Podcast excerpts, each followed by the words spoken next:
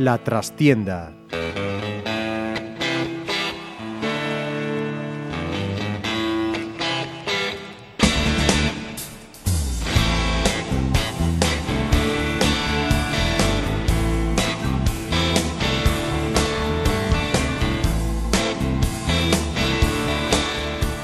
Saludos amigos, os habla Ramiro Espiño en nombre de todo el equipo. Comenzamos unha nueva edición de La Trastienda en Pontevedra Viva Radio. E hoxe ímolo facer en galego en atención a nosa convidada, porque atleta de elite e dende hai ano e medio máxima responsable do deporte galego. Ourensá de nacemento, aínda que polas veces que ten que vir á cidade de Dolérez últimamente, ímolo a ter que nomear filla adotiva de Pontevedra. Temos o prazer de recibir o noso programa a Secretaria Xeral para o Deporte da Xunta de Galicia, dona Marta Míguez Telle. Benvida e moitas grazas por acompañarnos. Moitas gracias a vos. Bueno, naceu en Cortegada, en Ourense, eh, en 1973, licenciada en Educación Física e Deporte, realizou varios cursos orientados á xestión de servizos públicos, Administración e Deporte, diversos másters como de Dirección e Xestión de Entidades Deportivas, en fin, eh, un montón de cousas, non? Atleta, como dixen antes, agora reconvertida a política, eh, na súa trayectoria profesional, xerente do Consello Municipal de Deportes do Concello de Ourense, coordinadora de deportes tamén no Concello de Ourense, E no ámbito deportivo, campeonatos absolutos de Xabelina, 5 de España e 6 de Galicia, e posúe sete récords absolutos de Galicia e tres de España, ademais de representar a España nos Xogos Olímpicos de Sydney, nos Xogos Iberoamericanos onde conseguiu a prata en Guatemala e o bronce nos do Mediterráneo. Dende hai ano e medio ocupa o cargo da Secretaría Xeral para o Deporte da Xunta de Galicia en sustitución de José Ramón Letelasa. O sea, a verdade é e que lle puxeron a usted en unha tesitura complicada pola labor que, que desarrollou Lete, non? Sí, claro que sí. Todo o que dixe é todo certo excepto a data de nacemento, que son moito máis nova do que che pon aí. Entón, no, é verdade, é verdade. é verdade. Aparenta, pero estos son datos sacados da web da Xunta de Galiza. Sí. Vai, vai ser que está ben. pero é un pouco indiscreto, eh? Verdad que sí. Pero bueno, ainda non nos sacamos anos. Eu, eu que tengo o portal de transparencia, sí. que non se pode enganar, non? Ya Wikipedia tamén. no, este, este é oficial, eh? Sí. É da Xunta de Galicia. Si sí, por ter toalete ponlle na Wikipedia 10 anos máis. Se pon que naceu no, no bueno, 10 anos máis, que ten agora 72, e digo, lle estás genial, está ben conservado. moi ben. Para 72 sí. está ben conservado. Bueno, vostede non lle fai falta que se lle diga que está ben conservado porque salta a vista o de facer deporte sempre deixa algo especial, non? Deixa un pozo, pois pues algo quedará, pero mm. pouca cousa. Bueno, Lete tamén fixo deporte, evidentemente. Sí, sí, sí, sí. Bueno. Sí, sí, é o que o, o conto do que tú viñas dicindo, evidentemente é un reto para min, pois, home, eh, estar no posto onde estaba Lete sendo agora o que, secretario do Estado para o Deporte. Eh, ademais, bueno, por, por facer un pouco unha semblanza, non? empezar pola súa etapa de, de atleta, logo iremos co, cos obxectivos da, da Secretaría, eh, A min dime que un dos grandes apoios para Marta Míguez foi sempre na súa familia. Eu vin por aí unhas palabras que dicen poñen na súa boca, usted dirá se si eran certas ou non, eles creen máis en min que eu mesmo. Eh, inde hoxe así, pero en, non, non o no sentido do traballo, nin no sentido, senón que eles consideran unha persona forte, con moita fortaleza, son un, son un, un paraguas para eles, e a veces eh, queixome, porque digo, home, que eu teño tamén, a veces necesito apoio porque sí que é verdad que non sei, a veces se é o deporte que forxa non unha personalidade un pouco máis, digamos, destacada nese eido ou é que cada unha é así e por iso escollo o deporte. Non sei cal é antes, que é antes. Sí, o ovo a galiña, ¿no? exactamente. pero bueno, sí que sempre me apoiaron, pero non un apoio como se pode entender de si sí, fai deporte, isto está ben. Non, a veces o apoio é o contrario. Uh -huh. Non fagas iso, para que de algún xeito me motivaron Uh -huh. Iso é certo. Pero non sempre dicíndome que estaba ben o que facía. Tres fillos, Lucía, Inés e Martín, todavía moi noviños, non? Sí, bueno, teñen o máis pequeno 10 e a maior 13 e Inés 11 e medio. Seguidiñas. E, e un marido tamén atleta, Julián Sotelo, que foi o seu adestrador nos Xogos Olímpicos de Sydney. Sí, sí, sí, sí. O sea así. que aí A verdade é que é unha presión o, o para os pequenos. Sangue, non? é unha presión para os nenos. Pero cando de repente lle din a usted a propoñen para a Secretaria Xeral para o Deporte da Xunta de Galicia, a preocupación deles era se si non te tes que ir a Madrid, Non importa, non? Ah, sí, outros nenos sí. Sí, porque daquela, claro, falábase de Lete, que se fora a Madrid, entonces eh, de algún xeito relacionaban. Sustituye a Lete, Lete está en Madrid, entonces onde vas ir? A Madrid? A Madrid tamén, non? sí, digo, non, non, é aquí, na casa, sí, inde vindo. Eh, unha persoa que marcou tamén, eh, penso, a traxectoria deportiva de Marta Míguez foi Mario Guede, co cal eu teño moi boa relación da súa etapa de adestrador de, de fútbol e demais, pero o Concelleiro de Deportes do Concello de Ourense, que foi profesor durante 11 anos, máis ou menos, de Marta Míguez. Eh, foi o meu mestre en o que antes era EXB, uh -huh. Mm, en Cortegada. E, desde logo, é unha sorte para min telo como xefe provincial de deportes alina en Ourense, porque xa non é por, por a súa experiencia ao largo de, todo, de toda esta vida que ten co deporte, tanto en ámbitos máis técnicos como entrenador ou como profesor ou como político, que tamén. Senón porque eu sei que cal, eh, calquera cousa que me aconselle, eu aconsellome moito con el por eso, porque aparte de todo eso, de mestre é un amigo, é, é un bo amigo. Sí, é moi bo. Sí, sí, sí. el, si, me, si desde logo, si me aconsella mal é porque el cree que... porque está equivocado. Uh -huh O sea, el, el sempre... Eu penso que eu para el son como unha filla tamén, e el para min, pois, é moito máis que un compañeiro de traballo. Pode aconsellala mal si se trabuca, Solo si pero se equivoca. sempre deseando o millor para sempre, vos. Sempre, sempre, sí, sí, sí. Eh, filla de emigrantes, eh, que non o é en Galicia, non? Pois é, así, filla de emigrante por eh, meu pai, miña nai pois quedaba ao cargo do, dos fillos e da xente vella, non? É a, a historia pueblos. de Galicia en tantos é, en tantos sitios. É unha historia non? máis, sí. Uh -huh. Bueno, eh, bueno, eh, Emilio Navaza Periodista Montederés, por certo, afincado en Santiago, pero especialista en atletismo, escribeu en outubro de 2016, antes do seu nomeamento, no blog titulado Vida Atlética de Galicia, unha entrada que titulou Siguiendo a Nuncha. Sí, sí, sí, Nuncha miña irmá, que me mm. leva un ano, ele empezou no atletismo, e... Eh E a verdade é que eu tamén empecé por ganarlle a ela, basicamente. O sea, era competencia era por, familiar. Sí, sí, era competencia. Porque Marta Míguez fixo balonmán. Sí, sí, sí, tamén ela. Uh -huh. Eu, digamos que iba un pouco rabo dela. Ela iba adiante un ano máis, entonces eu iba detrás dela onde ela fose. Tamén, a verdade é que tiñamos unha relación super bonita e seguímolo atendo, tanto con ela como outra irmá que teño que vive aquí en Pontevedra. Uh eh, -huh. E, bueno, son as miñas mellores amigas. Isto Fíxese de... que, que Fito, falando do balonmán, alcanzou, acadou o, o, o balonmán galego e o pontevedrés concretamente, porque você sabe que evidentemente nesta, nesta cidade de Pontevedra o balonmán é non digo primeiro deporte, pero case case, non?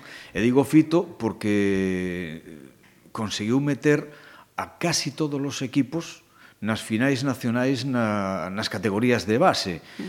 Quedou únicamente, pois onte domingo, o Cisne na, en infantís, sí. pero conseguius un fito histórico tamén coa clasificación dun equipo femenino as infantís do Teucro para xogar entre as oito millores de España, non? Sí, a verdade é que tú dices que ao mellor non é o primeiro o primeiro deporte en Pontevedra, ao mellor é, uh -huh. porque por o número de equipos en na primeira categoría nacional xa é, porque en fútbol sí que é verdade que temos un. Uh aquí en Pontevedra, pero non hai máis de un. Entonces, é verdad que ese abarca moita mo, é moi mediático, moita masa social, pero bueno, o balonmán, eu penso que ten un lugar predilecto aquí en Pontevedra. Volvemos a Marta Míguez, atleta, non? E, e volvemos tamén a esa entrada dese blog de, de Emilio Navaza que di que cando decideu irse deixar o balonmán e, e poñerse ca, ca Xabelina, non? que lle dixo a Raimundo Fernández que en aquel entonces era o que iba a ser o seu primeiro adestrador e quizá a persona que marcou os primeiros pasos mm. non nese deporte, era ambiciosa que pretendía ser la mejor lanzadora de jabalina, no alguien para perderse en las clasificaciones. Son palabras súas. Sí, eu diría yo en galego, seguro. Pero eu, eu recordo de ir falar con el porque eu bueno, cando eu fun... respeto, respeto sí, a fonte sí, porque está escrito sí. no blog en castelán. ¿eh? Eu fun entrenar a Coruña, eh, fun estudiar a Inés porque sabía que ali estaba Rai, eh, porque sabía que Rai entrenaba as, as primeiras líneas de, de lanzadores entonces sí que fun falar con el porque era campeona de España Junior aquel ano e xa me sentía así con un pouco de forza para chegar ali porque me daba un pouco de, de corte, non? entonces digo, eu quero lanzar jabalina. E díxome el, bueno, Aquí cualquier niña que encuentre por la calle me puede decir ¿Quieres lanzar jabalina? Bueno, pues sí, quiero lanzar jabalina. o no, o tal, e sin yo, bueno, pero non, non é o mesmo caso. E dicir, entonces, en que se diferencian? En que eu quero ser mellor que todas as demais. Eu quero lanzar máis que as demais. Entonces dixeme, bueno, pois pues empezamos a entrenar hoy. E xa, feito, e xa me quedei aquel de día. De feito, en España conseguiu, non? Porque, bueno, decimos, en 1992 decideuse por estudiar INEF no Bastiagueiro, na Coruña, deixando atrás Ourense, é unha vida que entonces estaba milimétricamente organizada. Sigo repetindo palabras de, mm. de Emilio Navaza, non? eh, todas as horas del día planificadas para que me diese tiempo a ir al instituto, entrenar, estudiar, hacer las tareas de casa, descansar. Home, me date non, conta non que eu dos 14 anos xa tuven que sair de Cortegada e irme ao, ao instituto, a Ourense, e ali compartíamos piso entre varias rapazas que hoxe a mellor deixa unha nena de 14 anos que teña que facer a comida, a cena, coidarse, en, ir a entrenar en vez de andar noutros ambientes, porque a verdade é que non, non tiñamos amparo dun adulto como a mellor hoxe está a cousa moito máis controlada, pero é verdade, meu pai estaba en Suiza, miña estaba na aldea e non había outro xeito de facer as cousas e de progresar. Cando fun a Coruña, pois máis do mismo, cambiei de ambiente, pero noutro ambiente de, de estudiantes, eu tamén tiña beca de estudios do Ministerio, por tanto, se non aprobaba, non renovaba beca, se non renovaba beca, era un problema manterme ali, entón, pois, si, non me quedaba máis remedio que ter o tempo moi organizado para asistir ás clases, adestrar e estudiar, porque era preferente. Ali, ademais de coñecer o que logo sería o seu home, a Julián Sotelo, coñeceu, a, para min, unha figura mítica do atletismo galego, porque cando casi ninguén o facía, ela destacaba, Ángeles Barreiro. Ai, sí. Home, fíjate, Anxa foi un, un dos motivos. Ángeles e Julián foi un dos, foron os motivos tamén polos que eu fun entrenar ali, porque sabía que eles eran os mellores e que tiñan o mesmo entrenador, por tanto, era como de caixón que fose o mellor entrenador tamén, non? Eh, Anxa pois era un, un modelo, naquela época era un referente. Eu era recordo de xente, un mito, eu recordo de xente da miña idade, Anxa leva a min xusto 10 anos. Xente da miña idade que tiña pósters de, uh -huh. de Ángeles Barreiro. Acórdome aquí de precisamente un chaval, un chaval que hoxe ten os meus anos, pero que estuvera aquí no centro de tecnificación, uh -huh. e que tiña un póster de Anxa, Anxa Barreiro eh, lanzando disco. Uh -huh. eh, bueno, era lo máis, o sea, víamos a Ángeles como se si fose de outro planeta, non? E logo poñerme a entrenar con ela e ver o que fai, pois sí que é verdade que te mimetizas un pouco e pensas que tamén podes ser capaz de facer esas cousas. Campeona de España absoluta por primeira vez, por primeira vez en 1998, aínda que xa viña situándose no podio desde 4 anos antes, non? Sí. Eh, ademais dos cinco ouros, Marta tamén ten no palmarés dúas medallas de bronce, outras dúas de plata. Pero a Espiña ven quizá nun dos momentos máis álxidos da súa carreira. O primeiro récord, 57,59, eh, non lle dou opción a que a seleccionaran para os mundiales de Sevilla nin para os de Edmonton. Unha decisión dificilmente entendible por parte da Federación Española de Atletismo, que curiosamente estaba presidida por un galego, un pontevedrés como sí. José María Odriozola. Sí. Tiña algo contra vostede? Non ten nada que ver que se xa de Pontevedra para que tome as decisións que tome é verdad que eu me doí moito naquele momento, o, o, sobre todo no Mundial de Sevilla, que foi no ano 97, logo eu fui a Olimpiada con menos marca da que tiño o ano uh -huh. seguinte para ir a Edmonton, e, sin embargo, tampouco foi suficiente en Edmonton, tendo a mínima. Entón, bueno, pois son decisións que nun momento en que estás dedicada a eso 100%, pois son difíciles de, de asumir e de asimilar. E non se entenden. Pero non o entendía daquela, nin o entendo hoxe, nin o asumo. o sea, entrame unha mala leche, só de pensalo. Alguna vez coincideu con José María Odriozola lle mm, chegou a, a pedir algún tipo de explicacións, Mira, con Odriozola había mala relación, pero porque, por exemplo, con meu, con meu entrenador, como entrenador levábase moi mal, entón digamos que tampouco trataba de favorecer a xente que entrenábamos Vengábase con nos atletas entrenados por sí, él. Sí, ante a dúbida ou non levar a ninguén, uh -huh. que foi o caso nos dous, sí. nos dous casos.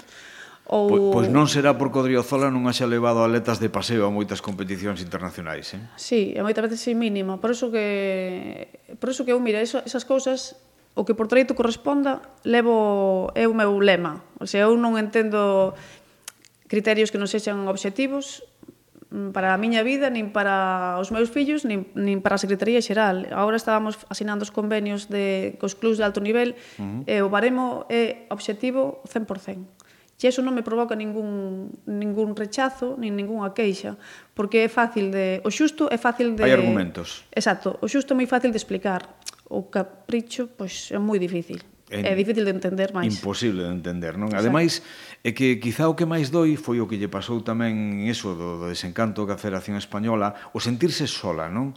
Porque tuvo que ser operada de, das dúas rodillas, no 2003, os dous xeonllos, e ninguén lle preguntou polo Estado, pero si sí lle retiraron a beca olímpica que tiña para ese ano. Sí, ese é así, eh? É así, por eso que a min, do que me poidan contar os deportistas de hoxe, poucas cousas me poden sorprender, porque tamén hai cousas peores xa hai que botar as mans á cabeza. No, xa, xa hai peores que eso, ou que me congelen a beca por se si acaso estou embarazada, porque me casei xoven. Uh -huh. Pois, home... Por si acaso, por si acaso. o sea, sin chegar a estar, sí, sí, durante tres, tres anos consecutivos. O sea, o tema da igualdade en aquel entón, na Federación Española de Atletismo non existía. Non, naquele entón eh, penso que hoxe tampouco existe demasiado. Por iso que mm. tamén no, no novo decreto de alto nivel queremos contemplar esas circunstancias, porque non hai nada máis inherente que unha lesión para un atleta ou un deportista, nin un embarazo para unha muller, inda que sea deportista. Entón, de algún xeito, temos que tratar de protexer o deportista neses ámbitos. Pero se algo caracterizou a Marta Míguez na súa carreira como atleta, atleta foi sempre o espírito de superación, penso, porque aparte desas lesións nos xeonllos, eh, foi das poucas capaces de adaptarse a un cambio vital na xabelina, como foi o cambio de centro de gravidade, non? Do, sí, do, do aparato. A operación foi posterior, pero sí, eh, digamos que era tampouco podes estar noutra liga que non é a única liga que hai, entonces pois este a ferramenta non é que eu teña, exactamente, non é que eu teña moito fan de superación, senón que son as circunstancias que se daban e había que adaptarse. Bueno, eh, este é grandes rasgos, evidentemente, poderíamos estar a falar pois moitísimo tempo máis a nivel personal da súa traxectoria sí. como atleta, non? Pero en que momento Marta decide afrontar outros retos e dar o salto a cargos políticos, a cargos públicos? a verdade que non o pensei, non o pensei así fríamente, máis ben foi foi ao revés, a raíz da da chamada para esta entrevista co presidente que me que me plantexou a o pois a necesidade de cubrir o posto de Lete. Foi directamente Núñez Feijó quen lle propuxo. Sí, nunha entrevista que pudera uh -huh. ser que houbera máis entrevistas que a miña, non? Uh -huh. Seguramente.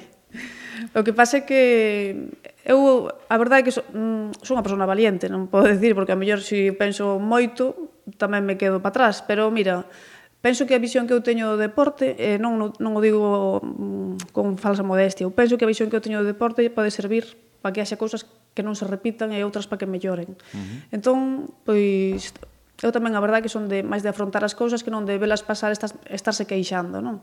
Hai moita xente que ve pasar as cousas e di, vai, mira isto como vai, mira isto que desastre, non. Métete, fai algo. Cando fala cos deportistas fala o mismo idioma, é o que ten ser cociñeira antes que fraile. Home, eu penso que si, sí, entendos perfectamente e, e valoro moitísimo o traballo que fan porque eu boto a vista atrás e digo, se teño que facelo hoxe, eh, pois sería moi, moi complicado, non? moi, moi complicado porque hoxe está -huh. noutro, noutra etapa que non teño aquela motivación. E aquela tamén, decíamos antes da motivación dos, dos pais, a veces no sentido contrario de que che din deixa eso, tens que estudiar, deixa eso ou tal, que a veces o que fai é provocar un, pues, unha avalancha de motivación maior, non? Digo, uh -huh. eu podo facer as dúas cousas. Teño que poder, porque se non teño que deixar unha, ya que teño que deixar é a que máis me gusta facer, non? E eso sí que tamén o por aí na baza, cando, cando miña nai se deu un conta do, da importancia que tiña que parecía que era importante o que eu facía uh -huh. foi cando na, na, na misa do pueblo que é San Juan, que se celebra na miña aldea pois o cura falou de min temos que darlle unha boa a familia de Marta Míguez e Marta Míguez que está en tal sitio nesta competición e vai asistir ás Olimpiadas seleccionada, non sei que miña nai estaba como aí chea de vergonza e dicía, Dios, pero que o que está facendo... Ter un olímpica na que casa, que é isto? Facendo isto? que polo visto ten que ser a pera, porque nos deron un aplauso na misa. entonces ya se dio cura, sabes? Algo de razón terá. A nivel de curiosidade, eh, como se vive nunha villa olímpica? Pois, home, pois un pouco en, en linguaxe coloquial flipando cada, a cada persona que ves. Porque te cruzas con auténticos monstruos Exacto, do deporte, todos os veciños mundo, que te ¿no? encontras son todo lo máis. Xente que mm. ves na, sempre na prensa, nos medios de comunicación, o grandes eh, éxitos que cada un grandes marcas, non? Entonces é como, Dios, mira, é como, guau, mira, é como estar sorprendido constantemente de decir que pasada de oportunidade teño de estar aquí con, con esta xente. Unha vivencia inesquecible, desde logo. Sí. Bueno, imos un pouco, pois eso, co, a, a, a ver o balance, o balance que faría deste ano e medio de, ao frente de, da Consellería, de, perdón, da Secretaría sí. Xeral, eh, sobre o deporte galego. Que, que balance faría Marta Míguez de, deste ano e medio? Bueno, pues, aparte de seguir un pouco as directrices que viñan que viñan estando marcadas, como pois pues, eso que falamos dos convenios de patrocinio alto nivel, que evidentemente hai que mantelos, as becas os deportistas que os puxemos ao día, porque sí que había unha tempada 2015 ao 2016 valorámoslo ano pasado porque bueno, había unha tempada mm. de, de retraso, eso tamén sí. é unha cousa que en canto yo propuxen ao presidente non como pode ser que a xente facendo as marcas este ano non se lle paga o ano que ven, senón o seguinte, non? Uh -huh. O sea, hai xente que xa estaría hasta retirada do deporte. Claro. E, sin embargo, aínda recibiu a beca con esa posterioridade. Pero, bueno, ahora estamos o día. Temos tamén a Comisión Antiviolencia. Isto son cousas que fomos vendo a necesidade de, de contemplar, non? Porque uh -huh. todas estas cousas que están surxindo primeiro inicialmente nos campos de fútbol, pero que, que se estenden, Por non? desgracia, que sí, se irradian. A outros deportes. Os comportamentos, sí. os pais e as nais, ao final dá igual que non xoga unha cousa ou outra, ao final un pai unha nai sempre está mirando o mismo, que é o seu fillo. Entonces, pois sí que temos necesidade de, de algún xeito de controlar iso. E a través desta comisión, pois teño a esperanza tamén de poder, mm, por o menos de, de pois eso, de agarrar as cousas polas, pola, pola man e, e poñerlle un fin e un orden, non? Temos tamén o Euson de GAN, que é un orgullo para min sempre falar del, porque o Euson de GAN é un, é un programa para a integración laboral do deportista de alto nivel, uh -huh. de xente como a min. Sí, porque moitas veces cando un chega ao final da carreira de, de deportista de, de elite... Ai, moitas veces, Ramiro... Donde, donde, donde sí. se sitúa? Moitas veces sí, e iso que, fíxate, eu, eu sentín ese vacío e esa, e esa falta de identidade, e iso que eu, pois, pues, eso, tiña a miña carreira, preocupeime uh -huh. da miña formación, preocupeime porque tamén non todo o mundo ten a miña nai na casa, que senón todo o día se preocuparía, porque eso era unha presión constante, non? Pero bueno, eu caseime, fíjate, en cuarto de carreira, e en quinto levei as notas de meus pais. Uh -huh. Para que vieran o compromiso estaba cerrado e xa con eso non me, non me fales máis desto que está feito, sabes? Entonces, sí que é verdad que esa orientación, esa, ese contacto con todas esas personas que son deportistas de alto nivel, oxe, ou que o foron, para poder orientalos a nivel de formación ou a nivel laboral, pois está dando moi bo resultado. Estamos tendo xa ofertas de traballo, pois mira, para non decirche unha cousa por outra, temos 45 ofertas de traballo e 27 personas en disposición de poñerse a traballar. E algunha que non se puxo a traballar porque empezaron dous. A semana pasada empezaron dous a traballar. Uh -huh. Algún que non se puxo a traballar foi porque lleveu de repente o traballo, o sea, porque mm, o sea, querían traballar, pero non sabían que sería xa, pero a verdade é que inmediato, ¿no?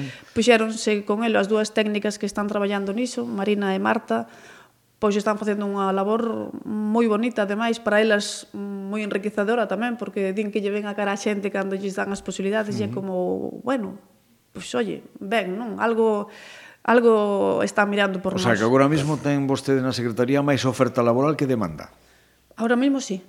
Ahora mismo sí, pero date conta que toda a xente que está en activo non necesita traballar. Sí, claro. Tampouco, ya hai outra xente que está eh, estudiando. Uh -huh. Entón, vamos ir tratando as distintas vertentes a través do decreto de alto nivel ou a través do Euson de GAN. No decreto tamén mm, é de 2004, o anterior.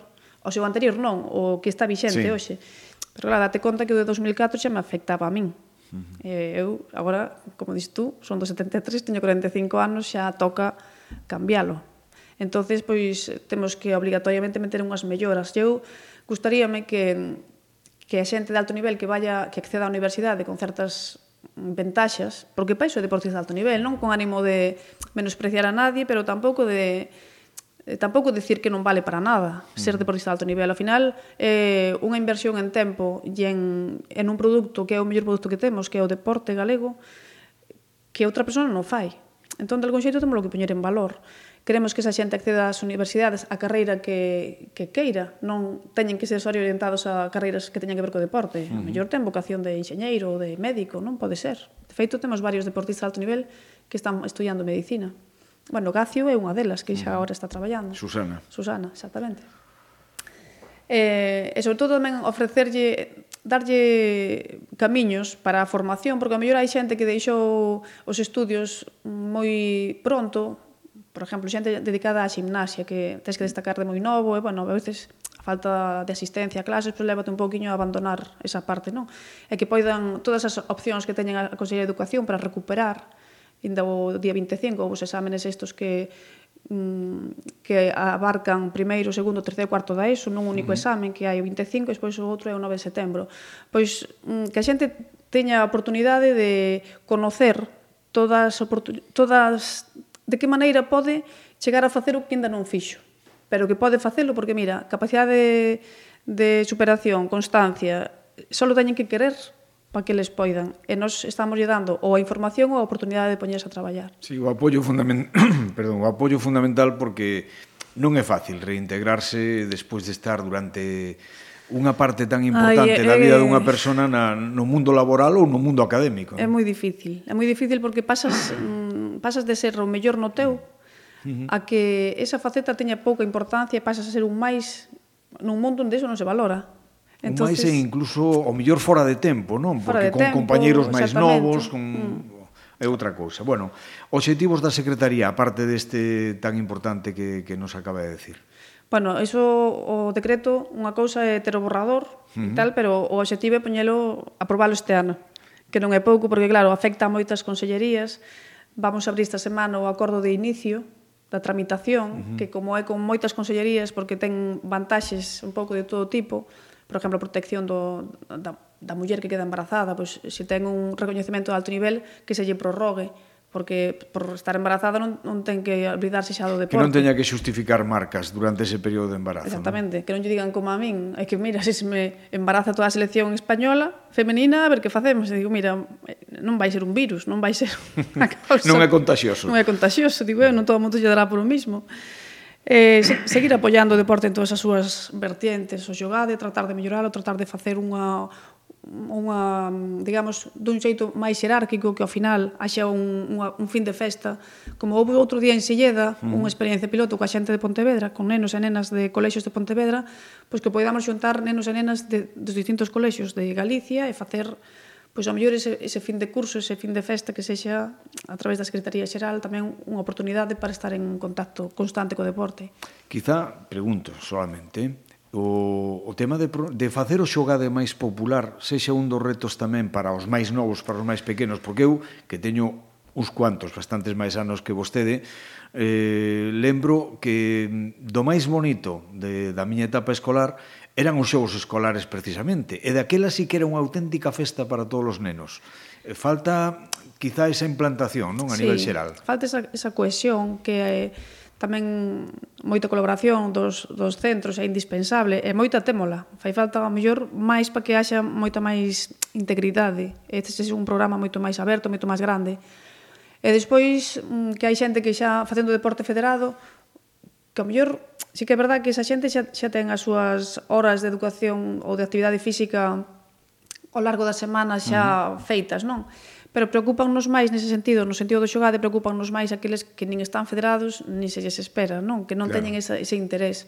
Esas persoas son potencialmente persoas moi xóvenes, pero con, con costumes e con hábitos moi sedentarios. Uh -huh. A práctica de actividade física pois, é moi baixa, porque realmente se se cingue solo as, as dúas sesións de educación física, digo sesións, que non digo horas, sí, sí. a semana, pois realmente é moi escasa. Entón, tratando de facer recreos activos ou as clases extraescolares ou xogade que implique un pouquiño a colaboración de todo o personal para que eses hábitos de vida saudables se van impoñendo, eu penso que ganaremos todos, porque a larga sí que é verdad que moitos deles engancharán ao deporte, podrán ser medallistas en moitos eventos, pero aínda non conseguindo eso que parece de caixón, se conseguimos que todos os días teñan unha higiene, sacamos, un hábito... Sacamos os nenos de individualidade da Playstation, ou como se chame agora... Que hoxe, hoxe temos un, un enemigo na casa. Uh -huh. Temos un enemigo na casa que son todas esas máquinas que, que lle captan moitísima aten atención e que non necesitan moverse.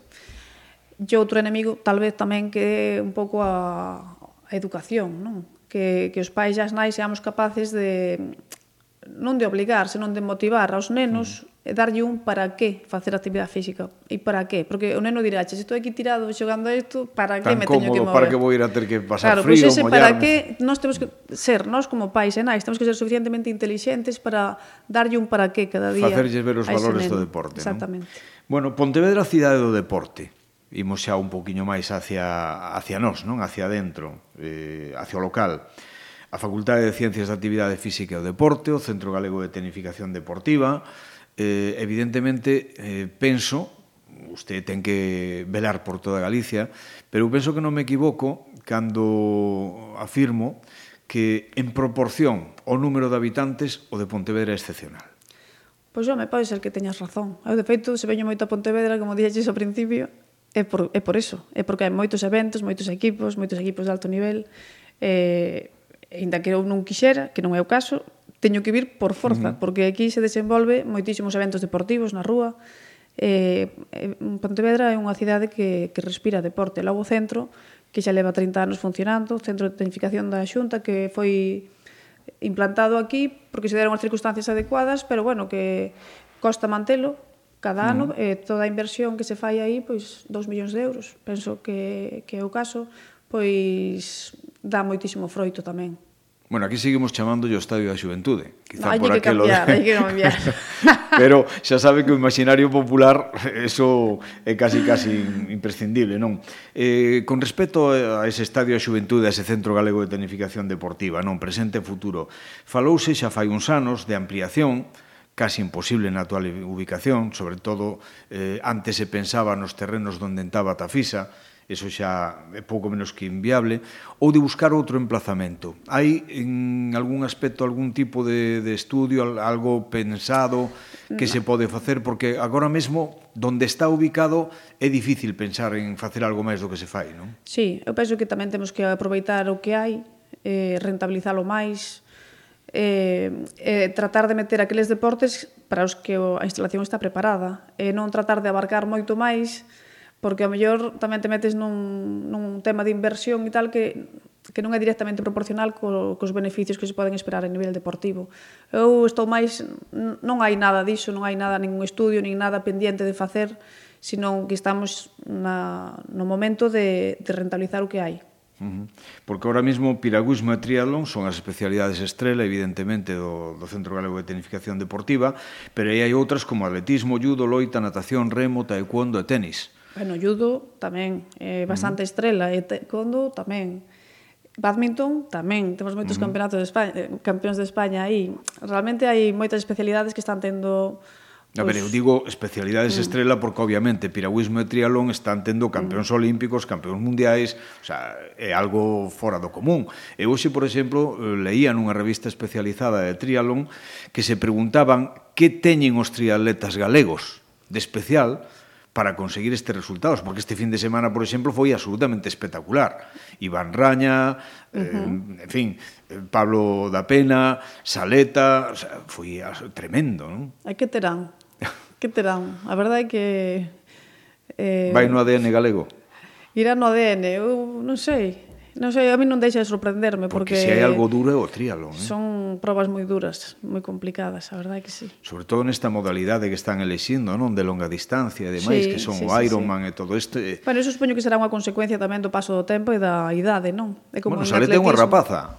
Pues sí. Está facendo Ironman. E é verdade que a nivel mundial tamén en maratóns que antes ibase xente xa que, digamos, que cubrir outras etapas anteriores, en, uh -huh. empezando a mellor en 1500, 5000, 10000, e logo xa se pasaban os maratóns. E hoxe está vendo en maratón xente xoven que xa practica o maratón desde o principio, uh -huh. que son distancias Sí, antes normalmente eran os mediofondistas sí, que terminaban sí, a partir iban, dos 30 anos Exacto, iban pasando, alongando, non? alongando as distancias a medida que iban pasando anos, pero en triatlón tamén está pasando iso, uh -huh. que xa se van a distancias moi longas. Bueno, volvemos ao Centro Galego de Tecnificación. A utilización das instalacións. Os clubes en Pontevedra estaban, de alguma maneira, preocupados pola posible implantación dunha tasa por uso que actualmente non, es, non se lle está cobrando, non? Será na próxima temporada ou esperarás a que estea disponible o novo pabillón da Parda no que a Secretaría tamén ten participación? Bueno, iso non, non é unha cousa que teñamos que facer xa porque está sin facer, pero a lei a lei que fala de tasas, prezos e exaccións reguladoras da Comunidade Autónoma de Galicia é de, do 9 de decembro de 2003. O sea, que xa tiña que haber. E o normal é que se, que se que haxe unhas taxas para todas as instalacións públicas, xa non só da Xunta, para todas. Eh, entonces, pois a tendencia é esa, nós temos que poñer unhas tasas aí. Ahora mismo non as están non se están cobrando, tamén é mm. verdade que a veces están xerando algunhas circunstancias, polo que, por, se me falas ao mellor do tema do, do badminton, que interfire a veces pois co balonmán ou co baloncesto ou co volei xa apenas.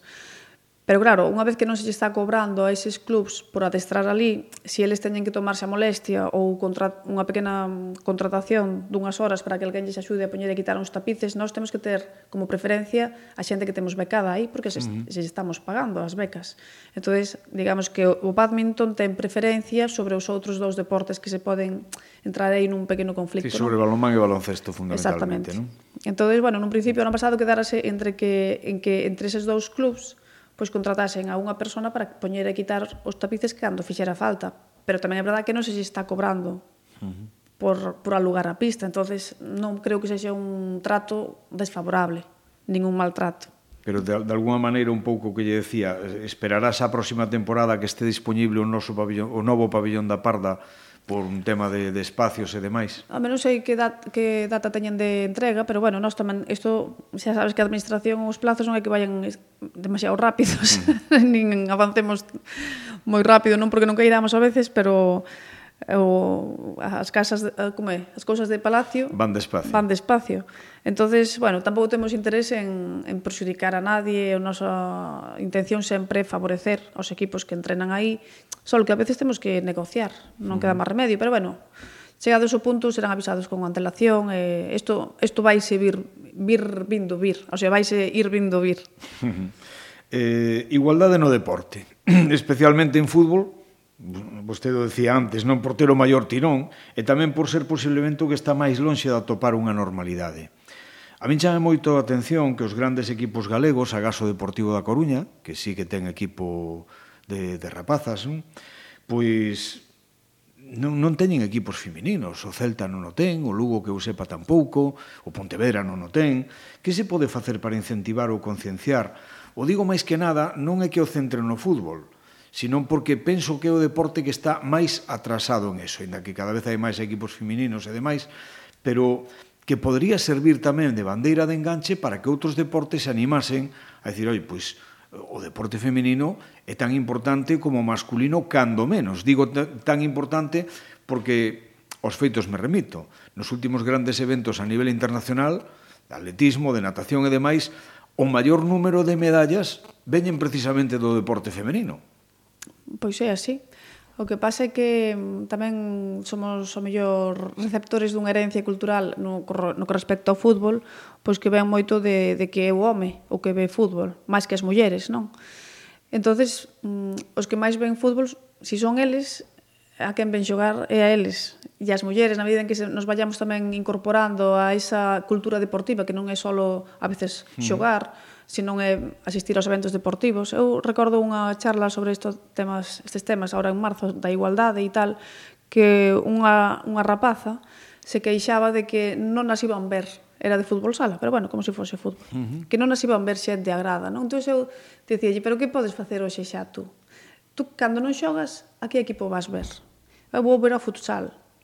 E digo, claro, pero podes ir ver o Uniferrol, podes ir ver o Envialia, non? Podes ir ver ao Pollo. Uh -huh. E, sin embargo, fíjate que tú misma vas ver un equipo masculino. entonces temos que cambiarnos, pero cada un desde a nosa propia casa, desde a nosa faceta máis cercana e ir tratando de cada vez abarcar algo máis, desde o colexio, desde os, o, no parque, que todo o mundo xogue eh, todos con todos. Non...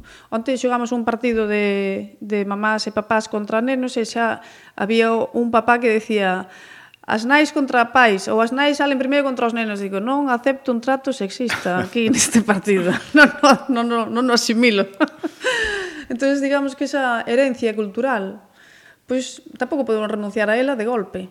E na medida en que os nosos fillos vayan medrando e vayan entendendo as cosas de outra maneira e as nosas fillas teñen a obriga de, de ocupar postos de relevancia tamén que iso é, é moitas veces unha necesidade non é unha cousa de solo porque un queira ou porque un queira destacar ou porque un queira asumir unha responsabilidade, senón porque a veces debemos facelo para ser tamén un modelo para, para, para outras persoas que pensen que a través da política se pode cambiar algo, que é a ferramenta que temos para poder madurar e mellorar realidades que non queremos seguirnos queixando delas, senón que queremos que cada día poñerlle un, un gran máis de area, construir algo máis positivo. Non? Pero cando Marta Míguez, como secretaria xeral para o deporte, coincide con Mourinho, por exemplo, o presidente do Celta, ou con Lupe Murillo, a presidenta do Pontevedra, non lle tira algunha picadiña para decir que cando, cando imos ter equipo femenino do Celta ou do Pontevedra? Pois, home, eu penso que dentro das súas expectativas de equipo... Que o Pontevedra xa o tivo, desgraciadamente perdeu, non? bueno, o mellor, o mellor tampouco é fácil xuntar tantas eh, xuntar un equipo tampouco femenino. A veces non é fácil. Entonces, eu penso que na medida en que haxa interés, porque isto non é cuestión de que un directivo queira facer un equipo. A veces ten que haber un grupo de xente que queira xogar, non? Entón, que todo iso se vai facendo unha amalgama de circunstancias e de situacións hasta que xa se crea que van poñer un, un reclamo. Oye, necesitamos equipo femenino, anótense todas aquí. Terán que tamén bueno, haber sería, un... sería un comenzo, non? pois pues bueno, pois pues me están escoitando. A, a intención de facelo. sí, home, se é un equipo como o Celta, penso que non iba a ter moito problema para facelo, non? E moitos equipos o están facendo. Eu penso que isto xa é unha cuestión de tempo porque xa ven a bola de neve, xa mm. se está formando, xa ven facéndose bueno. grande. O Itu World Multisport de Pontevedra será Pero bueno, o antes, antes sí. do Itu, Non creo que a día de hoxe a ningunha muller se lle cuarte a súa posibilidade de xogar a calquera deporte ou de facer calquera deporte. Porque que é o que te pode molestar? Que alguén diga, ai, eh, mira, xogando a fútbol, un deporte de homes. Oxe xa iso non molesta. Xa iso, eu penso que xa non o di nadie. A mellor cando eu era pequena sí que decían algunhas burradas dese tipo, pero non tes por que facer caso. Bueno, algunhas todavía se siguen oindo, eh? sobre todo cando a que arbitra, por exemplo, é sí. unha muller. Claro, entón que faz? O sea, a famosa faz caso... e triste frase de muller tiñas que ser, sí. ou vaite pa cociña, sigue soando claro, moitos eso campos. Eso tamén no, no, algún semáforo a veces, uh -huh. ainda que a que conduce sí, non sexa... Sí. E ainda que a que conduce non sexa muller. O que pasa é que despois din, ah, non era chica, era un chico. Ah, entonces que? Quero dicir, e por iso non vas deixar de facer aquilo que tú crees que debes facer. entonces hoxe eu penso que todas temos posibilidades para facer calquera deporte na nosa cidade, a mellor a nivel rural non, pero nas cidades e onde existe o deporte federado, os clubs, toda esa rede, ese tecido de, de de xente que favorece o deporte, eu penso que non temos ningún problema. E afortunadamente, porque xa que Marta Míguez presumeu de, do seu povo, eu tamén teño que presumir do meu, e non, non o evito nunca. Eu nacín en Cuntis, e en Cuntis temos un club de atletismo exemplar. Pois sí, pois mira, Eh, tampouco hai que ir a unha cidade, e ao mellor ten máis atletismo cuntis. Cunha concelleira de deportes campeona de marcha. Sí. O sea, que non Claro que sí, o que eh, fai non, falta... Non hai que ir á cidade, podese facer non en polos falta... pequenos, que era por onde eu quería ir. Sí, non? o que fai falta son esas, eses Marios Guedes, esas Raimundos Fernández, esas personas que cada día te esperan para entrenar. Que leven o deporte na sangue, que, Exacto. non, que non necesiten salir na, nas fotos para traballar pro deporte. Pois sí, non? podes ter a, a instalación máis bonita do mundo, podes ter uh -huh. un pedazo de estadio e como non haxa esas personas ali creando escola, pois ao final vai ser unha instalación boa e cerrada como o aeroporto de Castellón, máis ou menos. Esperemos que no deporte non se chega a eso, non? Eh, decía, Itu World Multisport de Pontevedra, no ano 2019, eh, creo que son as súas palabras mismo na, na comisión de seguimento que, que tivo lugar a semana pasada, será o maior evento deportivo de Galicia, non? No 2019. Se non é o maior, será un dos maiores, porque tamén é verdade que o Mundial Junior de Balonmán, pois, uh -huh. home, vai ser un, even, un evento da pera, pero este é un que do mundo, o sea, máis que eso, é unha Olimpiada xa. Uh -huh. Non hai eh, outro nivel. Dentro do Campeonato do Mundo Junior ainda pode ir, pudera haber un gato do mundo absoluto, non? Sí, pero aquí son cinco campeonatos pero do claro, mundo nunha semana. Exactamente, sí. Iremos a Odense a recibir o relevo para a organización do uh -huh. evento. E desde logo a recoller a bandeira. Falan de exactamente, falan de 5000 personas uh -huh. Mm, que estarán en Pontevedra todos esos días e seguramente volvan, porque Galicia é o que ten, que unha vez que ves posiblemente volvo a estas moitísimas engancha, sociedades. ¿no? Engancha, sí. Engancha polo deporte, engancha sí. pola gastronomía, engancha polo paisaxe, por tantas cousas. O patrimonio natural. Pola xente que temos. Sí, pero bueno, sobre todo polo patrimonio natural, que é o primeiro motivo polo que a xente ven a Galicia ten un orzamento importante o, o Mundial de, de, de Trialdo, non? os mundiais. Non? Eh, para cubrir ese orzamento, evidentemente, a parte da, das aportacións dos organismos públicos, da propia Secretaría, do Concello de Pontevedra, da Diputación, etc., etc., unha parte importante son os patrocinios de empresas privadas. En ese aspecto, están preparando vostedes, entendo, pois unha especie de lei de patrocinio ou algo para que poida ser que poidan ter beneficios fiscais, non? Bueno, mas non depende de nós, eso depende do CSD, pero bueno, seguramente se declare de interés eh, chamase de interés público uh -huh. para que teña moitas deduccións fiscais as empresas, pero bueno, nese caso, se as empresas teñen esas desgravacións, ao final quen acaba aportando é Facenda. O sea que, por tanto, eh, é o Estado que favorece nese caso. Sí, pero parece que doi menos, non? Bueno, doi menos porque de algún xe... Doi menos, por, pero porque parece que aportando cartos unha empresa grande realmente aportando, mm. o sea, recupera moito do que aporta. Sí. Pero se si recupera e deixa de pagar a Facenda porque Facenda deixa de cobralo. entonces ao final digamos que é o Estado que ampara máis o deporte nese caso. Pero tamén é verdade que as empresas que se acostuman de alguna maneira a patrocinar eventos deportivos, logo poden seguir con patrocinios tamén de equipos e outras cousas, non? Apoiando o deporte. Home, iso sería estupendo. E ademais é unha maneira de que a empresa medre en porque se asocia cos valores do deporte. Claro. Entonces, mira, a banca. A que vexan o retorno. Claro, a, e ten moitísimo retorno. A banca, ainda acabamos de estar agora, cos uh -huh. patrocinios e a banca que nos dá 600.000 euros para os equipos de alto nivel, máis o IVA, 720.000, pois te, na súa política de empresa hoxe eu penso que o mellor negocio é este. Uh -huh. É o que ten maior retorno mediático. É o Mundial Junior de Balonmán, entre Vigo, Pontevedra, Pontevedra, Vigo, antes, bueno, pois iban a andar outras cidades por aí, se falaba incluso inicialmente de León, que penso afortunadamente para nós que renunciou a, a organización e deixounos todo en mans galegas e da provincia de Pontevedra, non? Aquí hubo un Mundial Junior que foi tremendo nos anos 80, non? con auténticas estrelas de en aquel entonces como Talando y como, bueno, bueno esos son os meus ídolos. ¿no? En Sydney precisamente coinciden Ajá. con eles, con sí. Chepkin, Talando y Fortega, mm. Ortega, mm. bueno, Urdangarín, que tamén estaba mm. naquela... Sí, estaba no, no equipo junior de España que foi su campeón do mundo. Sí, sí, sí. Eh, eh, bueno, son os meus ídolos. Aquí, aquí, eh, eu fun ver máis partidos da selección española de... Enric Masip, sí, Mateo Garralda... Exactamente, fun ver, fun ver máis partidos da selección española de balonmán que atletismo na Olimpiada. Era lo más... Claro, hombre, eso é un, un extraordinario, unha extraordinaria noticia que haxa aquí. E se dentro de Galicia ten que haber un campeonato do mundo junior de balonmán, pois é verdad que a provincia de Pontevedra é o sitio máis ideal para que o acolla. Fíxese que Pontevedra, en aquel entón, o pabellón municipal dos deportes, naquela final todavía era Unión Soviética, eh, chamábamos de Rusia, pero era Unión Soviética, non? Contra, contra España, eh, hubo reventa de entradas. Como estaría o pabellón municipal que, que aquelo foi impresionante. Eu non, non recordo en España xa máis un, un, ningún pabellón no que houbera reventa de entradas. Hombre. Alí sucedeu. Pois sí, creo que ben. Uh -huh. Tuvo, tuvo que ser un evento maravilloso. Bueno, que, que esperamos dese Mundial do 2019? Pois home, que a xente disfrute do, do balonmán, que todos os daqui, os nenos, as nenas, teñan a oportunidade de ver os mellores eh, as eleccións que veñan e saber que, que se pode, saber que é posible. Eu eso sempre valoro moitísimo, que sexan referentes para crear novas escolas, novas aficións. Que aquí xa repito que hai, pero bueno, ver os mellores de cada país non ten precio. Se temos a sorte de que ter algún galego, pff, mellor que mellor, porque entón xa hai reventa, se houve reventa daquela, desta habrá tamén. É que ademais o, o balomán na provincia de Pontevedra é importante, importantísimo foi a permanencia do frigoríficos do Morrazo Cangas, porque eso nos vai a permitir volver a vivir o, o derbi das Rías Baixas, non? Que é unha pasada. Non sei se si usted sí. me parece que estuvo eu nos dos, estuvo no nos Cangas, dos partidos, teu cru e Teucro Cangas. Sí. sí. Pero é unha pasada, me refiro xa non só por eso, sino polo que se viviu na grada, o sea, sí, sí. os ambientes de respeto, de educación e de rivalidade animando cada un aos seus. Sí, a verdade é que iso é... É un exemplo. É un exemplo.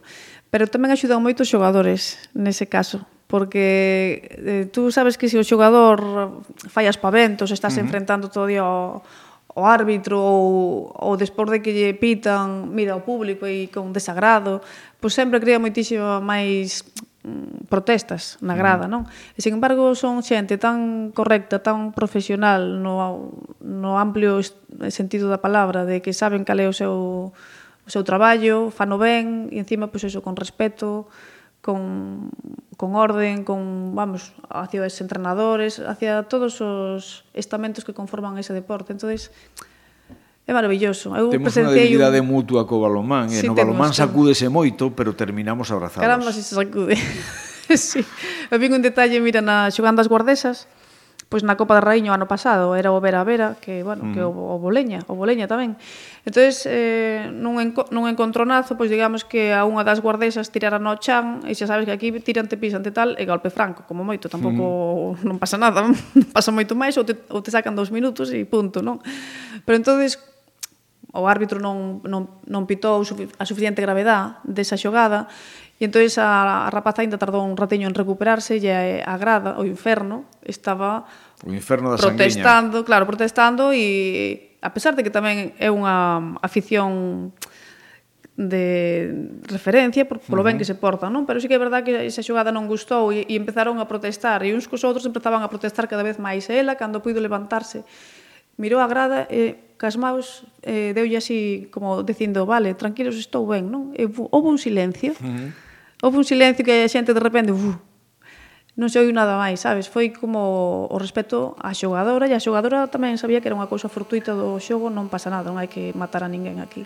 E, que, e foi bonito, foi moi bonito. que precisamente o mellor son os mm, deportes máis duros en canto a como se desenrola o xogo, rugby e balonmán, para mí son dos dous deportes máis duros en ese aspecto polo contacto físico mm. que supoñen, e que, sin embargo, é dificilísimo que un xogador se encare cun rival. Pois sí, eu agora que o nombras tampouco me acordo de ter presenciado ningún, event, ningún capítulo desos desagradables, no. E iso que se dan, danse leña, danse. Caramba, como se dan. Eh, ano pasado, no, este ano, cando foi o as seleccións que viña a selección española contra Finlandia, contra mm. Bielorrusia e Argentina. Sí. As camisetas acababan eh, rotas, o sea, a xente E iso que eran amistosos en principio, non? Pero Sí, pero amistosos despois de. Sí, despois. Durante durante sí, sí. non, non non coñecemos a ninguén. Sí, pero bueno, hai un respeto moi grande, sí. Bueno, rematamos. Sería moi atrevido pensar en que o Centro Galego de Tenificación Deportiva podería dar un paso adiante e transformarse nun centro de alto rendemento. Xa sei que a dependencia estatal económica non estatal autonómica, non económica, digo. Non sei se o faría imposible ou non depende evidentemente só da Secretaría, Pero sería un obxectivo factible? Eh, o Centro de Tecnificación ten esa, de, esa denominación polo CSD. Uh -huh. eh, eu penso que ten un sentido, porque despois hai outros outros centros de alto nivel ou de xa de por exemplo, a Blume en Madrid ou sí. Car ou que xa sería para un para un grado posterior mm. a este, non? Entonces eu penso que que estar escalonado, ter estes niveles escalonados está ben, porque un sempre sabería a onde ten que ir despois de estar aquí, non? Isto preferentemente hasta 18 anos e a partir de aí En principio hai outros centros, porque non podemos ter de todo en todas partes. Xa. E aquí asumir nenos desde 14 anos hasta hasta que un se retire hasta os 30, pois tamén sería mm, non, non poderíamos porque as plazas son as que son e ou nos dedicamos a nenos entre 14 e 18 anos ou a outras a outras idades, pero todos xuntos é complicado polas pola limitación que hai. Eu digo porque, a ver, sorpréndeme un pouco, por exemplo, que o, Centro alto de, de Alto Rendimento de Piragüismo este en Sevilla, cando realmente os piragüistas, o, o grueso do, do, do piragüismo nacional, está aquí en Pontevedra, non? Bueno, pero penso que tamén será por as circunstancias de adestramento, hai moita xente que vai adestrar ali, as circunstancias climáticas tamén serán máis favorecedoras. E bueno, eu penso que non hai que tampouco mm, picarse con iso, o sea... Pero aquí o Lérez curte, eh?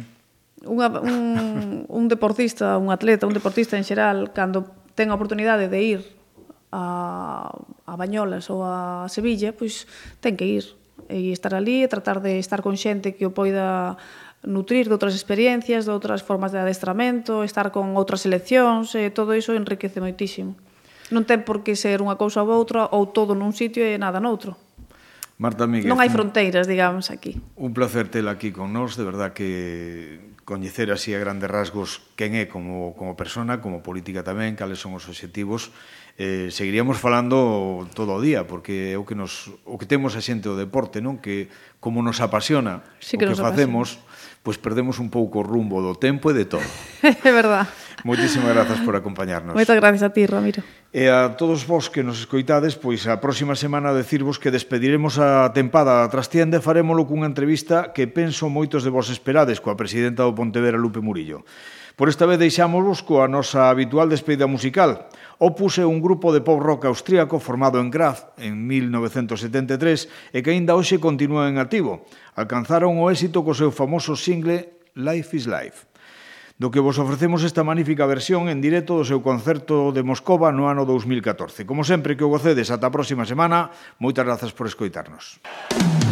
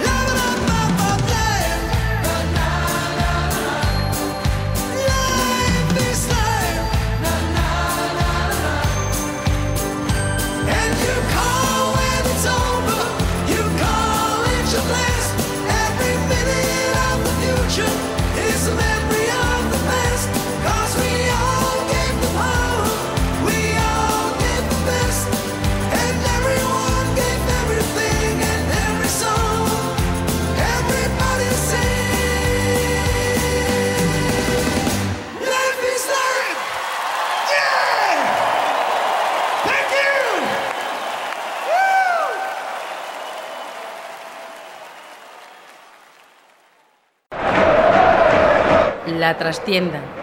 Pontevedra Vivarrado.